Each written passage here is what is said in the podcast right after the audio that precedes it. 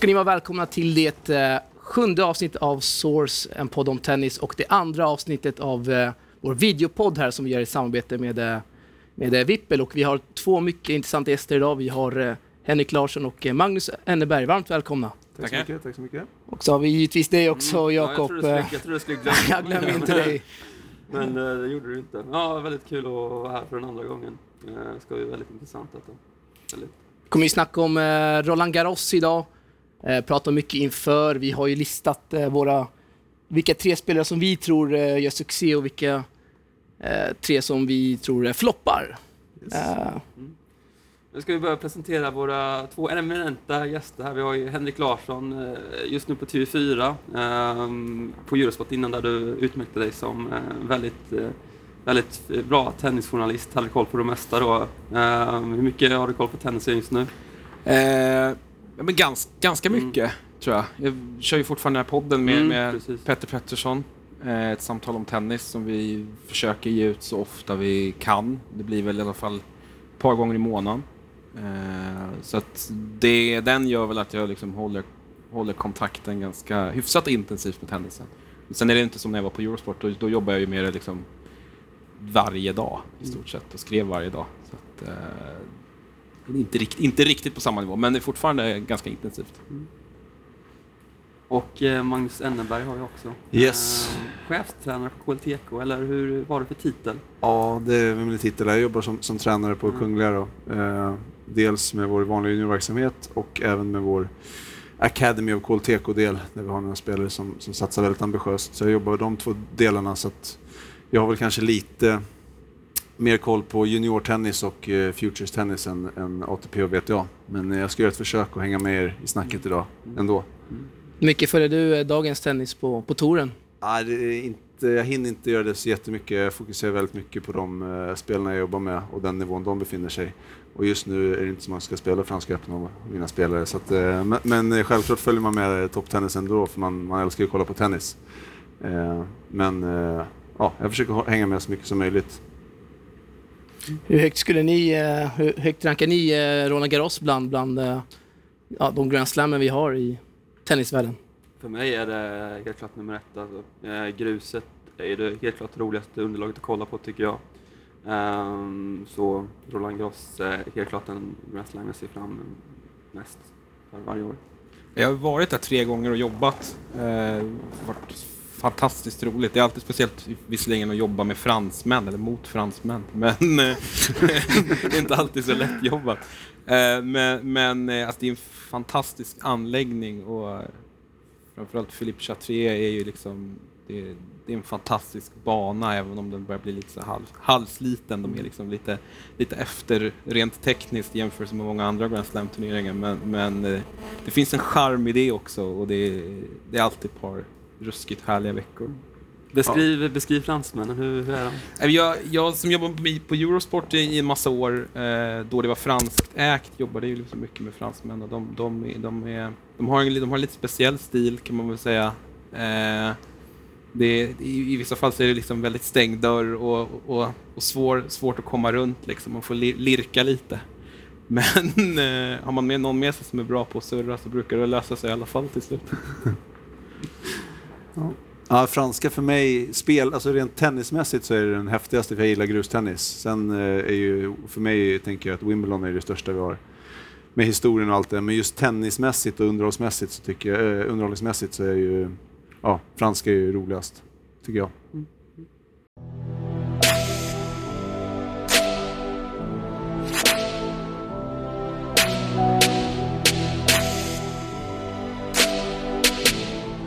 Jag har inte så jättemånga svenskar som är aktuella för, eh, för Roland Garros. Vi kan ju gå igenom dem. Eh, Elias Ymer har inte haft en, kanske en jättebra säsong hittills. eh. Vad säger du Jakob? Nej, han har ju kommit igång helt... Nej, kan- kom igång helt okej kan man inte heller säga. Han eh, var i en kvartsfinal där i början på året i USA. Eh, därefter har det inte gått särskilt lysande. Eh, men det... Var det två år sedan han kvalade in nu, eller var det? Två år sedan han kvalade in. Mm. Eh, förra året fick han stryk i kvalet här. Eh, och det känns ju som att han inte kommer ta sig in den här gången heller tyvärr.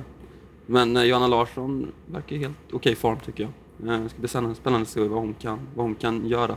i Roland Garros. Har ju spelat bra där innan. Verkligen. Och eh, bland dubbelspelarna har vi ju, vad är jag, ett par. Robban Lindstedt bland annat. Ja, jag vet inte hur det ser ut med Robban. Eh, Han har inte spelat de senaste tävlingarna här. eh, Varken Madrid eller, eh, eller Rom. va? Så vi får se hur... Jag har inte fått någon info där. Haft lite olika partners Ja, genom åren. Ja, det är väl knappt så att rankingen räcker Nej, för att gå in i Masters-turneringarna. Det är Precis. tufft. Ja, jättetufft. Han är väl runt 50 nu nästan tror mm, jag. mm. Så att, eh, och där är det ju många singelspelare som, som, som väljer att lira dubbel också, just de Masters-turneringarna. Så Mm, att då blir, då är, jag tror inte han kommer in helt enkelt. Mm. Första gången på tio år måste det Mm. vara. Så. Mm. Han börjar bli till åren nu, va? 30? Han hatar ju grus också, brukar Ja. han alltid säga. Så Vi får se hur, hur det går för honom i år. Ja, 39 år, vad, vad blir han? 41. 41 år alltså. Det är ingen ålder för en dubbelspelare. Nej, ändå. nej. just det. Han bara. Daniel Nestor är Ja. väl liksom det ultimata beviset på det. Och Mina Björkman har ju också gått in och spelat, Ja. spelat finaler, fått borta flera år. Så att, eh, det är ingen, ingen ålder på en gammal häst. Finns dock ju en tydlig svensk koppling i och med att vi har ju många, många tränare på touren. Eh, Ska vi gå igenom dem kanske? Mm, vi har Norman och Wawrinka. Sen har vi ju Tillström och Fiss. Eh, Björkeman, Silic. Eh, Jocke Nyström, Dominik Thiem. Har jag glömt någon? Så jag Ja. Mattias Arvidsson tränar Johanna Larsson, Ja. det kanske inte räknas. Stämmer bra. Ja, det ryktas om eh, att uh, Tideman skulle ta över Gullvis där. Jag vet inte eh, om det finns något bekräftat kring det eller? Det vore ju underbart. Jag såg ett klipp där på, på Instagram där han sa sick good när uh, Gullby la en eh, grym uh, Ja. stoppbollsvolley där. Ja, ja han uh, profil Magnus Tideman som eh, ger eh, väldigt fina kommentarer kring spel, till spelarna under träningarna. Såg ju bland annat i Umeå när jag var där. Vad var det han sa till uh, Chardy? Nej. Han sa väl mycket. Ja. Jag vet inte vad du tänkte på. Eh, power to the people. Power to the people, så var det. Ja, han slog en en- riktigt... Chardy har ju en enorm forehandslägga. eh, som eh, många uppskattar. Han slog en stenhård forehand så var det power to the Mm. people. Mm. Det är stort, Underbart, stort minne. underbart, underbart. Ska vi, eh, ja, ska vi gå igenom vilka vi tre har... eh, Vi tre, vi fyra har knappat Ja, ner och... Det kan vi göra. Um, ska jag börja? Nej, vi kör att Henrik börjar kan vi ju köra. Så får jag... Måste bara komma, försöka komma ihåg ut.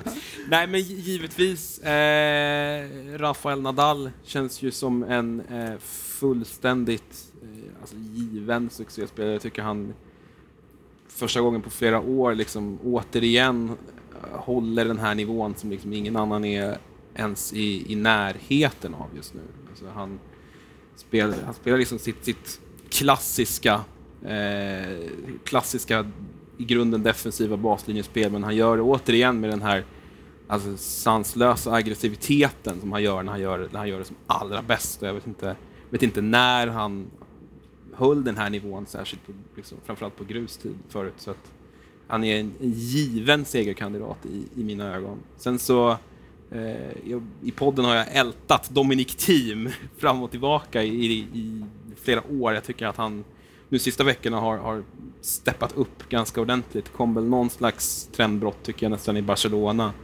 Eh, där han gick riktigt bra och är väl liksom på grus just nu nästan den bästa vid sidan av Nadal och har precis som honom också en, en förbannat bra inställning och ruggigt snabba fötter. Eh, och sen som tredje man då tror jag på Al- Alexander Zverev liksom väntat lite på att den här riktiga Grand Slam-framgången ska komma nu och han fortsätter liksom att stega gradvis uppåt bit för bit här nu för varje månad som går känns det som. Så att det kanske, kanske är läge för den nu eller i, eller i Wimbledon. Lurigt med Schwerer där när de är så unga, man vet inte hur de klarar femsets när de inte är erfarna med femsetare. Det är ju ofta det man hör Mm. från spelarna att om de är på G där, men ändå att fysiken är så otroligt mycket tuffare att spela de här femsetsmatcherna. Mm. Det är väl det som är frågan om man eh, är redo för det. Ja, han är ju han är fortfarande rätt så tunn Ja, fysiskt. Han är, Ja. han är ju lång, lång och gänglig liksom, men, men eh, han har väl i alla fall en lit, borde väl ha en liten fördel av att han liksom är oftast är spelförande och, Ja. och kan diktera poängen. Jag tycker att han också sista, sista månaderna har liksom renodlat sitt spel lite grann också till att handla mer om, om serve och forehand. Han har, han har ju ett sjukt brett register som spelare. Han kan ju göra typ allting. Men att han kanske håller det lite enklare med att liksom lägga mer tyngd bakom första serven och sen så försöka, försöka ta död på poängen tidigt med, med en tung forehand. Liksom och kanske en sån sak som kan hjälpa honom. Men absolut, Ja, det är det är spännande. Svårt att, svårt att säga. ja, han jobbar ju med Murrays gamla fystränare, han Geese Green. Så det är spännande eftersom Green följde ju Murray från när han var ganska ung och byggde upp honom till Mm. kanske en av de största atleterna som finns på touren. Så om han lyckas göra samma resa med, med Zverev, med allt som Zverev har tennismässigt, då blir det farligt framöver. Och Murray, alltså, det, det har man ju nästan glömt bort det där, men han var ju otroligt vek Ja. när han kom fram. Han var ju liksom som mjuk glass hela Ja. Otroligt, otroligt tunn och vek i alla Ja. avseenden. Det var nästan glömt. Ja, det ska bli jättespännande att följa. Ja, givna, givna val där. Ja, ganska Nadal. defensivt. Nej, men jag vet inte. Det, det, jag tycker alltså, Franska öppna är väl egentligen kanske den Grand Slam-turnering som det är minst skrällar i. Eh, det brukar smälla ganska ordentligt i Australian Open med, med mycket oväntade resultat för att det är precis i början på året. Och i Wimbledon så är det liksom så olika vilka spelare som trivs på det underlaget. Men Roland Garros, där vet man oftast vad man får utav varje spelare. Så det, jag tycker det är svårt rent generellt att liksom hitta någon som ska göra en Pernfors och bara liksom plöja rakt igenom fältet. Martin Verkerk, senaste Eller hur? storbubblaren vi hade där. All right. Eller Robin Söderling. Ja, Mm, mm. självklart. Flopparna då? Alltså det är ju, jag är inte, jag är inte så mycket mer edgy där heller. Men eh, jag, jag tror, tror väl att, att eh, An- Andy Murray kommer att få det riktigt tufft. Det finns liksom ingenting egentligen tycker jag i hans spel just nu som, som, som pekar på att han ska kunna ta sig ur den här svackan som han befinner sig i. Och det, alltså jag vet inte, jag, när man tittar på ja, den andra spelaren som jag också tror kommer att gå dåligt, Novak Djokovic, eh, han verkar ju i, i första hand ha liksom ryska mentala problem. Murray handlar ju om att han, där är det ju något som inte funkar rent, rent eh, spelmässigt. Eh, och det känns som att han har letat nu i, i flera månader och, och det verkar ruggigt svårt för honom att ta sig ur den här negativa, negativa spiralen. Det finns liksom ingenting som, som egentligen pekar på att det ska, ska vända för honom heller. Och, eh, tråkigt också för att han hade ju en sån alltså, väldigt uppåtgående formkurva just på grus sista åren. Han har ju varit, liksom, gått från att vara rätt så hopplös på det underlaget till att bli ett rejält liksom, segerhot. Men nu, nu är han alltså, knappt att han kommer att nå andra veckan. Eh, sen då Djokovic, alltså nu eh, visserligen så, så börjar det väl kanske lossna här lite grann nu, nu i Rom. Det var en, det börjar se liksom ett, ett, finnas en, en lite mer trygg, grundtrygghet i, i, eh, i grundspelet hos honom som, eh, som man inte haft på länge. Och jag menar, det, det var en fin seger här mot eh, Roberto Bautista Agut häromdagen. Och, och, eh, men han är fortfarande väldigt långt ifrån sin, sin absoluta toppnivå tycker jag. Och Det... det, Han har hamnat lite längre bak Ja, i banan än när verkligen. man var liksom som oslagbar. Då var han ju så otroligt eh, nära på baslinjen, även på gruset. Precis. Och, och det, menar, det, det är så... Det har ju, vet ju du liksom att det är så signifikativt för en spelare om man har självförtroende eller inte, hur man förhåller sig om man är en baslinjespelare, hur man förhåller sig till den, liksom, om man vågar äga den och liksom ta bollen tidigt. Och tycker Djokovic har liksom problem med såna basala grejer som, som med, liksom med timing på backhandsidan och sånt här. Han liksom snubblar över bollen när han ska, han ska slå tillbaka slice. Liksom. Det, är- det, det är jättemärkligt att- se honom nu överhuvudtaget, för han har, han har tappat konceptet fullständigt. Jag vet inte om det är guruns fel eller om det, om det finns någon annan förklaring, men eh, det, det börjar ju se bättre ut, men det är fortfarande jätte, jättelångt kvar. Eh, och som sista gubbe har jag för mig att jag hade plockat ut Grigor Dimitrov. Det är en ren form, formkurvefråga. Han hade liksom tappat... Han var helt enastående tycker jag i Australian Open. Jag har aldrig sett honom så bra någonsin. Och he- Ja, jag vet inte. Det var, det är bland det bästa jag sett i tennisväg. Han, hans semifinal mot, mot, eh, mot Rafael Nadal. Men eh, därefter har det varit riktigt brant utförsbacke faktiskt. Eh, så att, eh, Det var väl lite bättre där i Madrid, va? Mm. Han hade en matchboll mot... Uh, var det matchboll han hade mot Thiem där kanske till och med? Han, då spelade han ju rätt bra. Men i övrigt har det ju varit svajigt. Ja, ruskigt svajigt. Ja.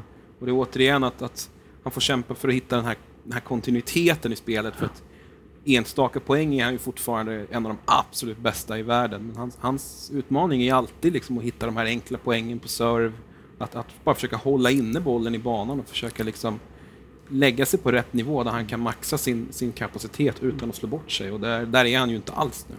Jag läste en artikel där att han, han blev så otroligt knäckt efter förlusten eh, mot Nadal där Mm. i, i Australien där så att han, han tittade ju efter liksom flera veckor efter så tittade han fortfarande Ja. på matchen hela nätterna och kunna ligga och, och mässa till sin tränare eh, Valverduda liksom att borde jag ha gjort något annorlunda vid det och den situationen där och liksom att Mm. det, det, ja, det kanske blev för mycket fokus på, på Kan- vad som hade hänt så att han glömde bort att förbereda sig för, för grussäsongen kanske. Ja, det kanske det, det kanske det blir. För Jag, minns, jag har också läst den där artikeln. Ja. Jag re- reagerar över det. Liksom, Shit, har han inte, han inte släppt det än? Han, så man, Ja. man såg den matchen tyckte man också, men han gjorde ju allt rätt. Ja, han gjorde ju precis allt han kunde göra. Nadal var bara lite, lite bättre. Ja. Everywhere, fruits and herrings, dykes and ferries. Tell me where it's Gott. Mm. Ska vi fortsätta med Mr Enneberg? Ja, jag- svingar lite mer friskt här med, med mina namn här. Ja, Nadal kändes för, för självklar eftersom... Eh, ja, så jag, jag tänkte, jag tror Jack Sock kan göra en ganska bra tävling. Hans eh, serve och forehand, vi vet ju det är otroligt mycket spin där. Eh, han känns okej och eh, ja, jag, tror, jag tror Sock kan göra det bra. Jag läste också någon artikel om honom just inför den här säsongen att han har jobbat med sin tränare väldigt bra. De hade lyft vissa saker i, kring hans fysik eh, som hade tagit honom framåt tror de. Så att, eh, Jack Sock har jag som en spelare på min eh, topplista. Och sen har jag Pablo Cuevas. Eh, tycker jag är spännande. Jag tycker, ja, han har bra spel, han har gjort några bra resultat. Han har ju aldrig varit i åttondel i en slam förut. Och så pass bra han är på tennis borde Mm. han nå åtminstone åttondel, kanske kvart. Sen kan han ju få dåliga lottningar som är inte så högt rankad, men Cuevas tycker jag är bra. Gillar honom, eh, jag såg honom i Båstad där, eh, vilket år var det han vann nu? Eh, ja, när han vann i alla fall, då var det ju inför finalen så hade det regnat och jag råkade vara där i Båstad då. Då får de inte bolla in på centercourten, de fick bara gå och vänta och vänta och vänta. Och då gick jag en promenad där vid nedre banan, där det var, nedre banan där det var blött. Och då ser jag Cueva stå där med sin tränare liksom utanför nätet där det var torrt och stod och slog slag, raka slag längs med staketet bara för han ville liksom hitta träffen inför finalen. Så att, sen dess har jag känt att det är en kille som, eh, ja, han är redo att göra lite extra för att ta sig framåt. Han är ju, han är ju en spelare också som i stort sett nästan fick tenniskarriären avbruten väldigt tidigt på grund av en allvarlig skada också. Ja, Den där hängivenheten kanske man får då av att liksom, man blir lite mer ödmjuk inför, inför uppgiften, liksom, att när man nästan har fått se allting tas ifrån en. Jag, jag tror eh, det kan hänga ihop med det också, för han, han verkar otroligt målmedveten. Och, eh, ja, så jag tror Cuevas kan göra det bra. Sen mitt tredje namn, det är ett riktigt, lång, ett riktigt långskott här, men, men eh, fast han är inte så lång, för det är Diego Schwartzman. Eh, Lillemannen. Ja, Lillemannen, han är fantastiskt rolig Mm, tycker jag. verkligen. Eh, han kommer ju bli osidad då, så att han kan ju springa rakt in i Rafa i första, då blir det inte så mycket eh, succé för honom. Men, men eh, ja, jag gillar honom, härlig spelare. Jag tycker det är fascinerande i, i tennisen idag, här i tennisen som blir en enorm powersport med liksom fysik, att en sån kille som ja, bara lägger in serven och sen springer från baslinjen, att han ändå kan vara med och mäta sig med de här spelarna och, och göra det så bra. Det är ju klassiskt den för några år sedan när det var Challenger-slutspelet där, när de hade de här åtta killarna i Challenger-slutspelet och så står Schwarzman på kanten och först trodde man att det var bollkallen, bollkallen som stod där liksom. Och, och nu är han uppe och spelar med de, med de stora spelarna så att eh, ja, jag höjer ett litet finger för Schwarzman. Mm. Mm. Framförallt tycker jag vi ska kolla på honom för han är ju Ja. han är bäst per kilo. Mm. Om det är en kategori. Borde det vara. ja, det borde vara det. Guillermo Coria kanske skulle vara, då skulle han vara världsetta i alla tider. Bäst per kilogram. Eh, flopparna där då?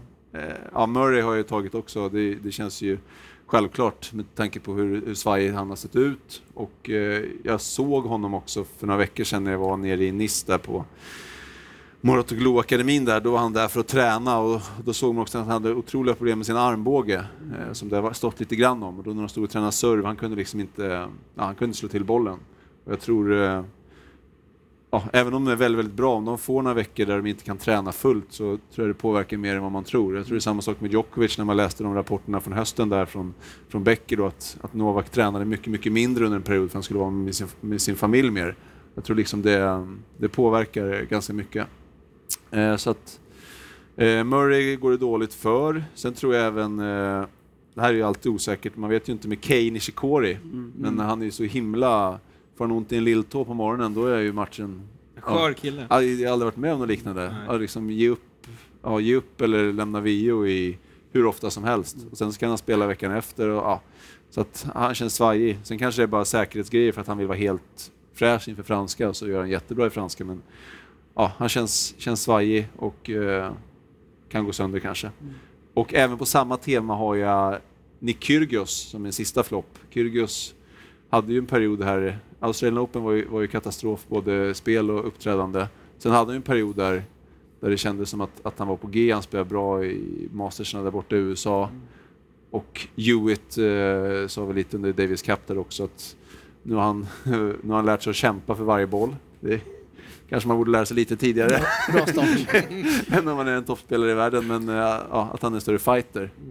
Men där också problem med höften, eh, ja, halvskadad, eh, dåligt humör, vinna femsetare på grus. Det kan bli att han kan bli utgnetad av Schwarzman kanske. Mm. Så att, ja, det är mina floppar. Mm. Mm. En av få australiensare som verkligen är bra på grus, ska Ja. jag till- tillägga. Han Kyrgios. Kan, ja, verkligen. Med, med den serven och den forehanden så han kan ju spela bra överallt egentligen. Om, om huvudet är med. Men nu är det inte så ofta, det är inte alltid det är med. Nej. Nej, verkligen inte. Ska vi gå igenom mina kanske? Ja, det ser vi fram emot. Eh, vilka hade jag listat nu här som eh, succé? Kommer inte här. Nej, det är nummer ett då, eh, Wawrinka. Eh, har ju... Ja, det sprakar väl sällan till med Wawrinka under säsongerna, men när det väl kommer till eh, Grand Slams, då... Som att det är en annan, annan spelare på, på banan, så... Wawrinka tror jag stenhårt på. Sen när det, när det är grus framför allt. Han är ju magisk. Är väl en av Det har få inte som... sett så bra ut för Wawrinka hittills på grussäsongen. Nej, han fick ju nu en uh, lektion i tennis av Benoit Per här eh, i Madrid bland annat och eh, nu senast den här veckan förlorade han mot John Isner så det är väl inga resultat Nej. man vill ha inför den franska men Isner serve var ju helt sjukt i och för sig, den, Ja. den matchen. tror Såg jag. inte det, han, men- Nej, men han, jag, har bara, jag bara sett statsen, men det var liksom... Tryckte in upp mot 90% första servar och det är, det är inte så jäkla lätt att göra något då, även fast det är på grus. Liksom. Så att, eh, men... Och Wawrinka har ju, jag såg någon tweet igår från han Ben Rothenberg med hans statistik i Masters kontra Grand Slam vunna matcher. Mm. Var enorm skillnad. Alltså hans vinststatistik var, jag tror det var 83% vunna matcher sedan 2014 i, i Slam, så det var liksom 55% vunna matcher i, i Masters. Så att den, det han gör, det han gör eller om det är eller magikern Magnus Norman som gör någonting när han dyker upp i samband med de här slamtävlingarna, det vet jag inte, men det är ju helt otroligt hur mycket bättre han presterar i slams. Så att, eh, för han ha- var på gränsen att hamna på min flopplista faktiskt. Än. Men sen såg jag den statistiken och tänkte, nej jag vågar inte. tack för det Magnus. Det är modigt att sätta honom på, på, Ja. på topplistan tycker Ja. jag. Liksom. Han skulle lika gärna kunna, kunna gå åt andra hållet. Det, är ju liksom, det finns ju noll indikation på var han befinner sig formmässigt egentligen. Det är, nej, kan gå hur som helst. Det gäller att Får våga. se, vi, ja, gäller att våga. gäller att våga. Eh, två hade jag då listat, eh, hade jag listat ner som succé. Team, Dominic Team, där kom den som eh, Henrik. Eh, känns som väl ändå en stor utmaning till, till Rafa. De kan väl, jag vet inte, det är väl semi de ställs i. Jag har inte jag sett sidningen där, men eh, han har sett ruggigt bra ut, eh, Dominic Team, och går ju från klarhet till klarhet, så jag tror stenhårt på han. Känns som inte han har några svagheter där ute på, på planen. Nej, jag, jag, alltså, som sagt, jag, jag, tycker, jag tycker han är helt suverän. Om, om, man, om man har något som, som man behöver jobba på så tycker jag att det kanske finns liksom behöver effektivisera sitt rörelsemönster lite grann. Han, är, han kan vara en aning fladdrig där ute eh, och hamna kanske lite, lite långt bak i position i banan. Sen har han ju sånt klipp i tillslaget så att han, han väger ju upp det ganska mycket, men jag tycker han slösar lite energi. Men det allvarligaste är fortfarande att han spelar för mycket. Ja, det är, Han lirar så mycket skitturneringar och det är helt obegripligt varför han gör det. Är det pengarna? Ja, Cash det, is king. Det, det, det, ja, det är fortfarande så dumt, det är så onödigt. Jag, vet inte, jag har ingen aning om vem, om han planerar själv eller om han har någon som får procent på alla, alla hans appearance fees. Som Han är- sätter upp det där. det, han är ju väldigt, det man har läst till sig, och så, han är ju otroligt speciell. eh, Både med att han har haft eh, och Günther Bresnik som tränare sedan han var 11 år och sånt där tror jag. Och att jag även läst att de, de hade ju som filosofi när han var liten att han skulle slå allt vad han hade på alla bollar hela tiden. För det kommer du känna på i längden. Så när han spelade juniortävlingar så var det ju han träffade i restaurangen var tredje slag. Ty- Tydligen då, men- men liksom fullsvinga på allting och bara blåste på. Och sen det här också man läser om hans fystränare som är sån här överlevnadskille som tog ut han i, i skogen och fick bära liksom eh, bära, ja, bära stubbar och kasta kottar. Jag vet inte vad de höll på med ute i skogen men han har ju en otroligt speciell liksom story bakom där man, där man, sen vet man inte mycket av det som överdrivs för att det ska bli en story. Och samma sak i Tennismagasinet där det står att han kan stå liksom timvis och bara stå och slå cross och bara mata med full intensitet. Så att, ja, ja, det kanske finns någon plan över det här att han liksom ska härdas av att spela mycket matcher. Förra året gick han in i väggen i slutet på säsongen. Gjorde- ja, precis. så då, då väggade han ju totalt och, och fick ta några veckor ofta. Men ja, de kanske tror att det här är bästa sättet Mm. att få han eh, för, för liksom härdan på touren på något sätt. Nu går det ju bra. Nu Ja. spelar han ju precis lika bra som han gjorde förra våren också. Ja. Och då är han ju... Nu är ju Federer inte med, men Nej. vid sidan av Nadal är han ju bäst i världen. just Ja. nu. Så att, Vi- Ska han spela efter Rom också? Vet du det? Eller ska han spela i Genève där? Eller? Det vet jag faktiskt inte, men jag vet att han ska, han ska spela i det. Turkiet veckan före Wimbledon. Okej. Mm. Ja. På, På vilket underlag då? på gräs. På gräs i Ja. Turkiet? De har ju en, alltså. en grästurnering, om jag Ja. inte är helt fel ute nu, i Antalya. Okej. Som han är affischnamn till. Eh, De gräsbanorna kan, Det- kan vara nya där det, kanske. ja, det här är, det ska vara helt nytt. Han, han, han ska alltså lira i Turkiet i så fall, om jag, om Okej. jag kommer ihåg rätt. Veckan före Wimbledon. Loserveckan. Det är bara Ja. Berdych som spelar eh, loserveckan annars. Av topp 10 spelare. Så det, är- det, är, eh, nej, det är illa tycker jag. Ja, väldigt annorlunda. Mm. Men det kanske är ett genidrag, vi får se. Min tredje succé, om ni tyckte att jag stack ut hakan här med Wawrinka så håll i er nu. Juan-Martin Del Potro. Det är väl inte så... Nej, Jag Ja, det är ingen jag... Schwarzman direkt att dra fram. Nej, Hur mycket, hur mycket hjärna och hur mycket hjärta är det i den utmaningen? mycket hjärta, nej men Ja. eh, jag såg han här mot Dimitrov i veckan och eh, han kan ju svara bättre på sin backhand nu. Han har ju haft eh, slicat väldigt mycket från den, den delen av eh, sidan. Men eh, ja, alltså vi vet vad Del Potro kan och när han får lite mer tid på sig här på gruset och kan det gå undan. Ja, I Stockholm var han ju helt fantastisk i oktober där, så um, ja. Är det grusliknande underlag i Stockholm Ja. eller? Det går inte så jättefort, Det är långsamma banor brukar det långsamma. Ja, du ser, det är Del Potro. Precis. vara. Där är väl flaggningen alltid för, för hans kropp. Verkligen. Alltså fem, Verkligen. fem set på grus två veckor. Med tanke på hans senaste år bakåt i tiden. Men hans forehand, han kan ju slå vinnare när han vill, eller? Det känns så, Ja. verkligen. Absolut. Och eh, floppar, Flopparna. eh, jag börjar med Milos Raonic. Eh, känns inte som den här uh, grusspecialisten, har ju förbättrat sig avsevärt genom åren men kan inte se de här resultaten inför turneringen som något, som något styrkemätare direkt och eh, jag tror han ryker tidigt Raonic. Mm. Trots sin uh, kickserve. Trots sin kickserve och sin, eh, sitt maka, makalösa vapen där på, på gruset. Mm. Det tycker det finns lite samma tendenser som vi, som vi pratade om Nishikori där, och även hos Raonic, att det är väldigt mycket avbrutna turneringar och, och inställda matcher med kort varsel och, och korta, korta skadeuppehåll. Det är nästan provocerande att liksom, om, okej, om man har så ont, om man har så, liksom, så mycket små grejer så är det bättre att ta ett rejält uppehåll i så fall. Läka ihop, ta det lite lugnt och sen komma tillbaka med full styrka. Nu känns det som att båda de två bara hattar omkring och, och har lite små grejer som gnager och drar sig ur hela tiden.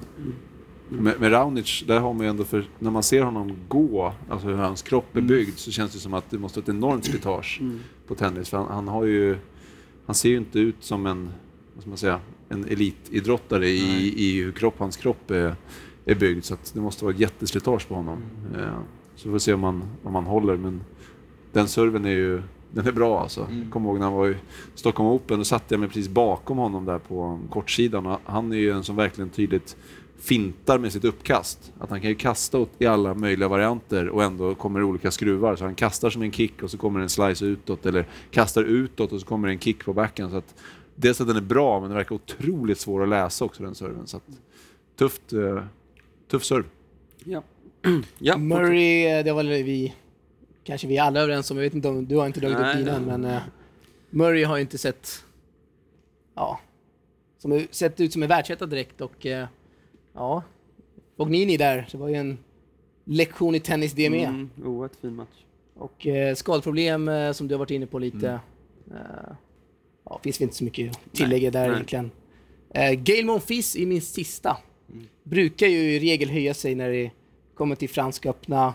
Eh, haft skadeproblem nu inför turneringen, inte kunnat förbereda sig optimalt och eh, tror han får jobbigt, Gale. Mm. Det känns som att han har haft- det jobbet på flera plan. Dels för att han är skadad igen, då är ju också en sån som går sönder precis hela tiden. Men sen har han ju också varit ute och nästan bett om ursäkt för att han spelar så dåligt. Han gick ut med något, något öppet brev till sina fans på Twitter och bara ja, det här går jättedåligt och, och vi jobbar på det men det, jag kan inte säga så mycket mer. Det, det funkar liksom inte. Det är ju trist, men det kändes ändå liksom någonstans som att efter det år han hade i fjol som var så otroligt bra så skulle det komma någon slags liten baksmälla. Han, han funkar ju ändå på det sättet. Jag såg en nere där i Madrid var mot Simon där det var 6-0-0-6 och så 7-6. Det finns ingen scoreline som, som är mer ja. Edmond Fiss än Nej, det. var det Alltså. tre, tre, tre lika avgörande så brickade han foten där och alla trodde att, han, att det var kört ju. Men han eh, satte sig och sen eh, kom han ut och verkade inte ha något problem med sin skada förutom när han förlorade. Då gick, då gick han och haltade. Ja. Men sen när han eh, vann sina bollar så eh, verkade han inte ha några problem med sina, med sina fotleder där. Så ja, väldigt oklart eh, hur det är med självförtroendet fiss, där. Ja. Böjer sig ner och Ja. ser ut som han håller på att dö liksom. Mm, mm, Så nästa boll så är det 40 slag liksom. ja.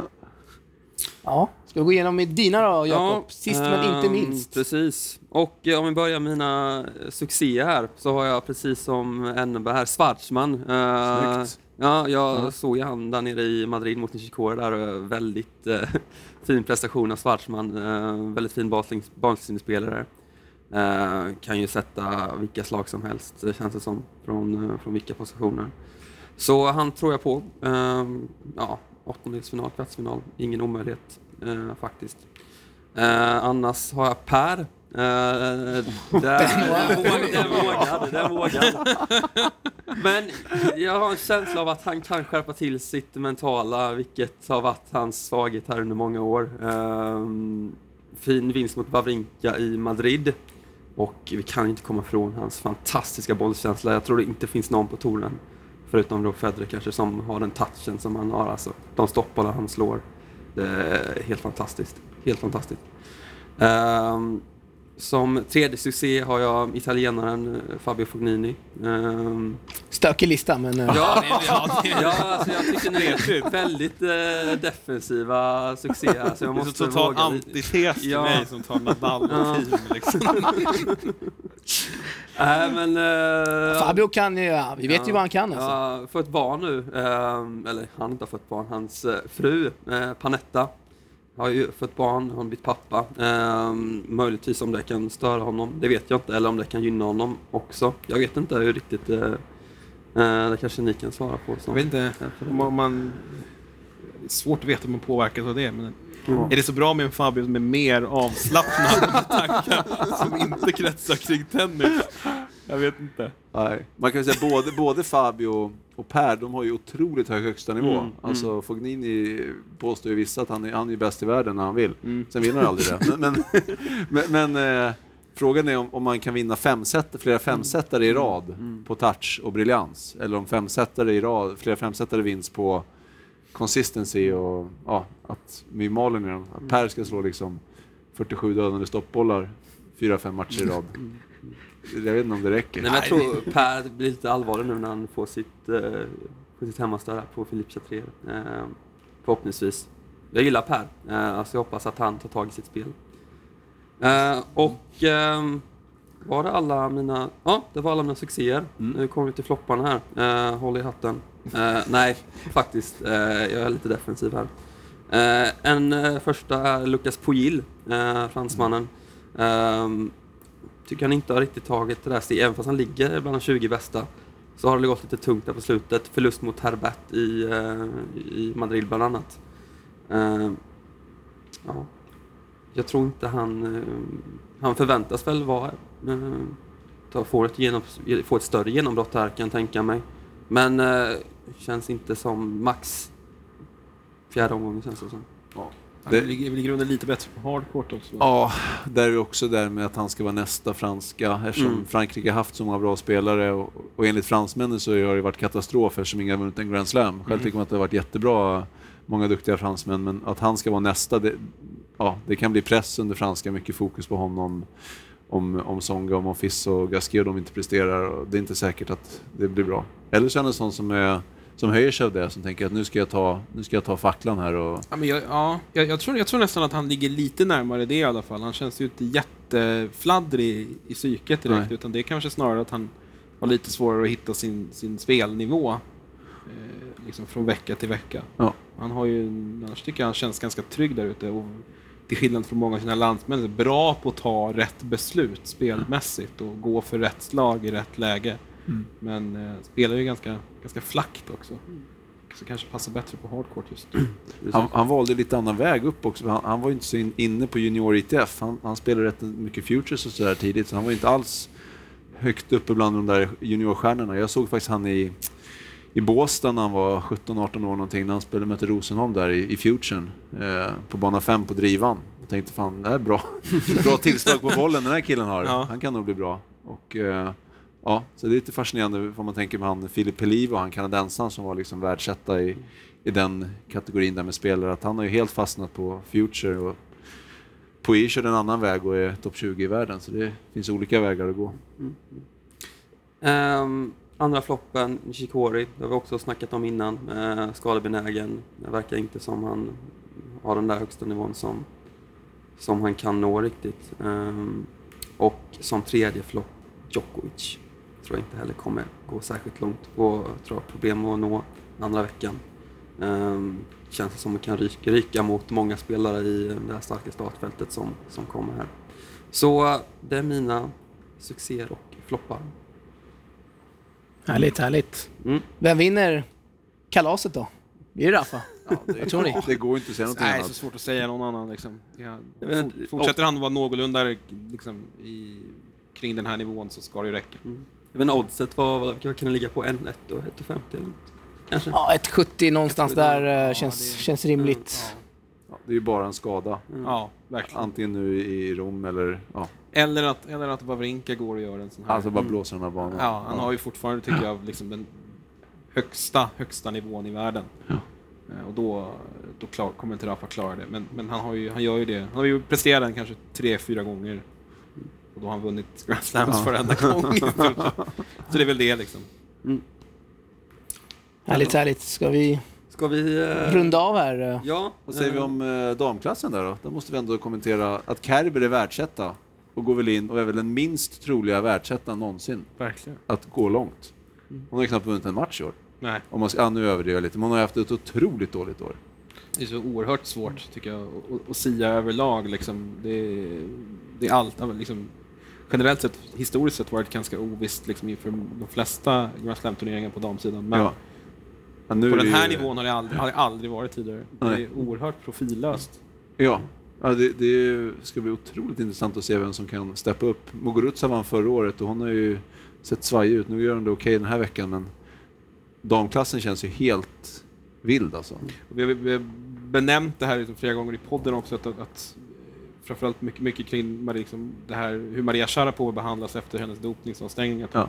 välkomnas mycket med, med öppna armar. Man, nu fick hon visserligen inget wildcard till Franska öppna, men, men att, att det, liksom, man förstår att, att det behövs fixstjärnor när alla spelar så otroligt jämnt och liksom när de allra bästa, jag menar Kvitova är efter den där fruktansvärda attacken som hon blev utsatt för är fortfarande en, en bra bit ifrån spel. Eh, Sevina kommer ju inte spela nu på väldigt länge och, och eh, Azarenka är ju fortfarande borta efter sin, sin graviditet och, och liksom, spelare som, som Lina har ju till exempel har ju försvunnit på grund av att hon lagt av och jag tror det är kännbart bara att en sån som typ Schiavone kom, kommer att sluta här nu också som en, en stark profil. Alltså sådana som sticker ut har ju liksom troppat av längs vägen och sen så har de inget tv-avtal Nej, det, det, tänkte jag säga. det är De, helt de, sjukt. de, det är helt sanslöst att de inte lyckas lösa det. Alltså. det är, de riskerar att tappa mark där också. De är dåliga på att profilera de här nya som Pliskova och Johanna Konta. De, här. De, de är dåliga på att liksom skapa hype runt om. Det blir så Mm. himla mycket kring, kring bara topp, topp, toppspelarna. Så Och de här så som ligger bakom får inte riktigt... Precis, sen så fortsätter man att och, och krama spelare liksom som Bosniaki och, Ja. och Bouchard som inte får ut tillräckligt mycket spelmässigt heller. Eh, men, men för att de liksom är, är me- mediala i, i sättet, men, men några liksom världsstjärnor på banan är man liksom inte tillräckligt duktiga på att lyfta fram heller. Nej. Ja, ja, vi får se. Damklassen är öppen i alla fall. Väldigt. Vi måste mer- få era ord om Sharapova där också. Hur, hur ser ni på um, allting som händer egentligen. Jag och Petter var, var ju för första gången på länge liksom ri- riktigt oense om hur hon ska behandlas när hon kommer tillbaka. Jag, jag tycker ju inte att man ska ge henne fördelar i form av wildcards i onödan. Jag har större förståelse för att små turneringar vill ha in ett bra affischnamn och, och, och, och ger henne friplatser, men jag tycker inte att Grand Slams ska göra det. Hon, hon, har, eh, hon har begått ett, ett, ett allvarligt sportsligt brott. Hon har avtjänat det straffet, men hon ska få jobba sig tillbaka som, som alla andra, tycker jag. Eh, och som sagt, visst, man kan, man kan förstå att det finns liksom en, en, ekonomisk, en ekonomisk fråga i bakgrunden och, och med tanke på vårt tidigare resonemang att VTA skriker ju efter att hon ska komma tillbaka på samma nivå som tidigare. Liksom, vägen ligger ju öppen för henne, men jag tycker inte rent generellt att man inte ska göra det för lätt för henne i det här fallet. Ja, jag, jag tänker ju... Man kan ju säga också att, att, att en VTA-tävling, där finns det ju ekonomiskt intresse för att det är sponsorer och det är biljettförsäljning och hela den biten. Så att, så att, att vet, vanliga VTA-tävlingar tar in henne som ett wildcard, det är ju ganska givet om man pratar rent hur, hur marknaden fungerar. Däremot, så precis som du säger, så tycker jag att, att en Grand Slam har ju inte samma Det är Alltså, så stark det, produkt. Det är stark, produkten Ja. i sig är stark oavsett om Sharapov är där eller inte. Så att, att franska inte ger ett wildcard till uh, Sharapov tycker jag är rätt. Sen är det tråkigt att, att de bästa spelarna in, inte är med eftersom hon är bland de bästa spelarna. Men ja, för VTA, där är det ju ganska självklart att de får WC. Och det skulle vara ännu konstigare om vi säger att VTA säger att du får inga WC hos oss och hon ska spela 15 000 dollars kval i Tunisien eller i eh, ja, Ryssland eller var de åker någonstans och spelar. Det, det vore ju otroligt konstigt för den pressen de skulle sätta på de tävlingarna arrangörsmässigt, att en Future-tävling ska ta hand om världens största damstjärna, det känns lite tufft också. Mm, Eh, ja. Härligt. Är, vi, är vi klara? det känns så. Ja. Någonting du vill tillägga så här innan, Jakob? Nej, men jag tycker det ska bli väldigt kul att följa um, um, årets andra Grand Slam här. Um, stor, ser med stort intresse fram emot detta event. Ja, att, ni, att ni gör detsamma här. Verkligen, verkligen. Och vi tackar för oss här och eh, ni kan följa oss på våra sociala, sociala medier, eh, Facebook, eh, vad heter vi där Jakob? Source Podcast. Source, en podd och tennis va? Ja. Precis, och eh, oklart, ni får söka. Nej, eh, Twitter, Source Podd heter vi, det är jag i alla fall Ja, helt det- säker på. Och ni kan mejla oss på source så, så hörs vi i framtiden. Tackar vi för oss. Ha det bra. Tja! Tja. But I don't know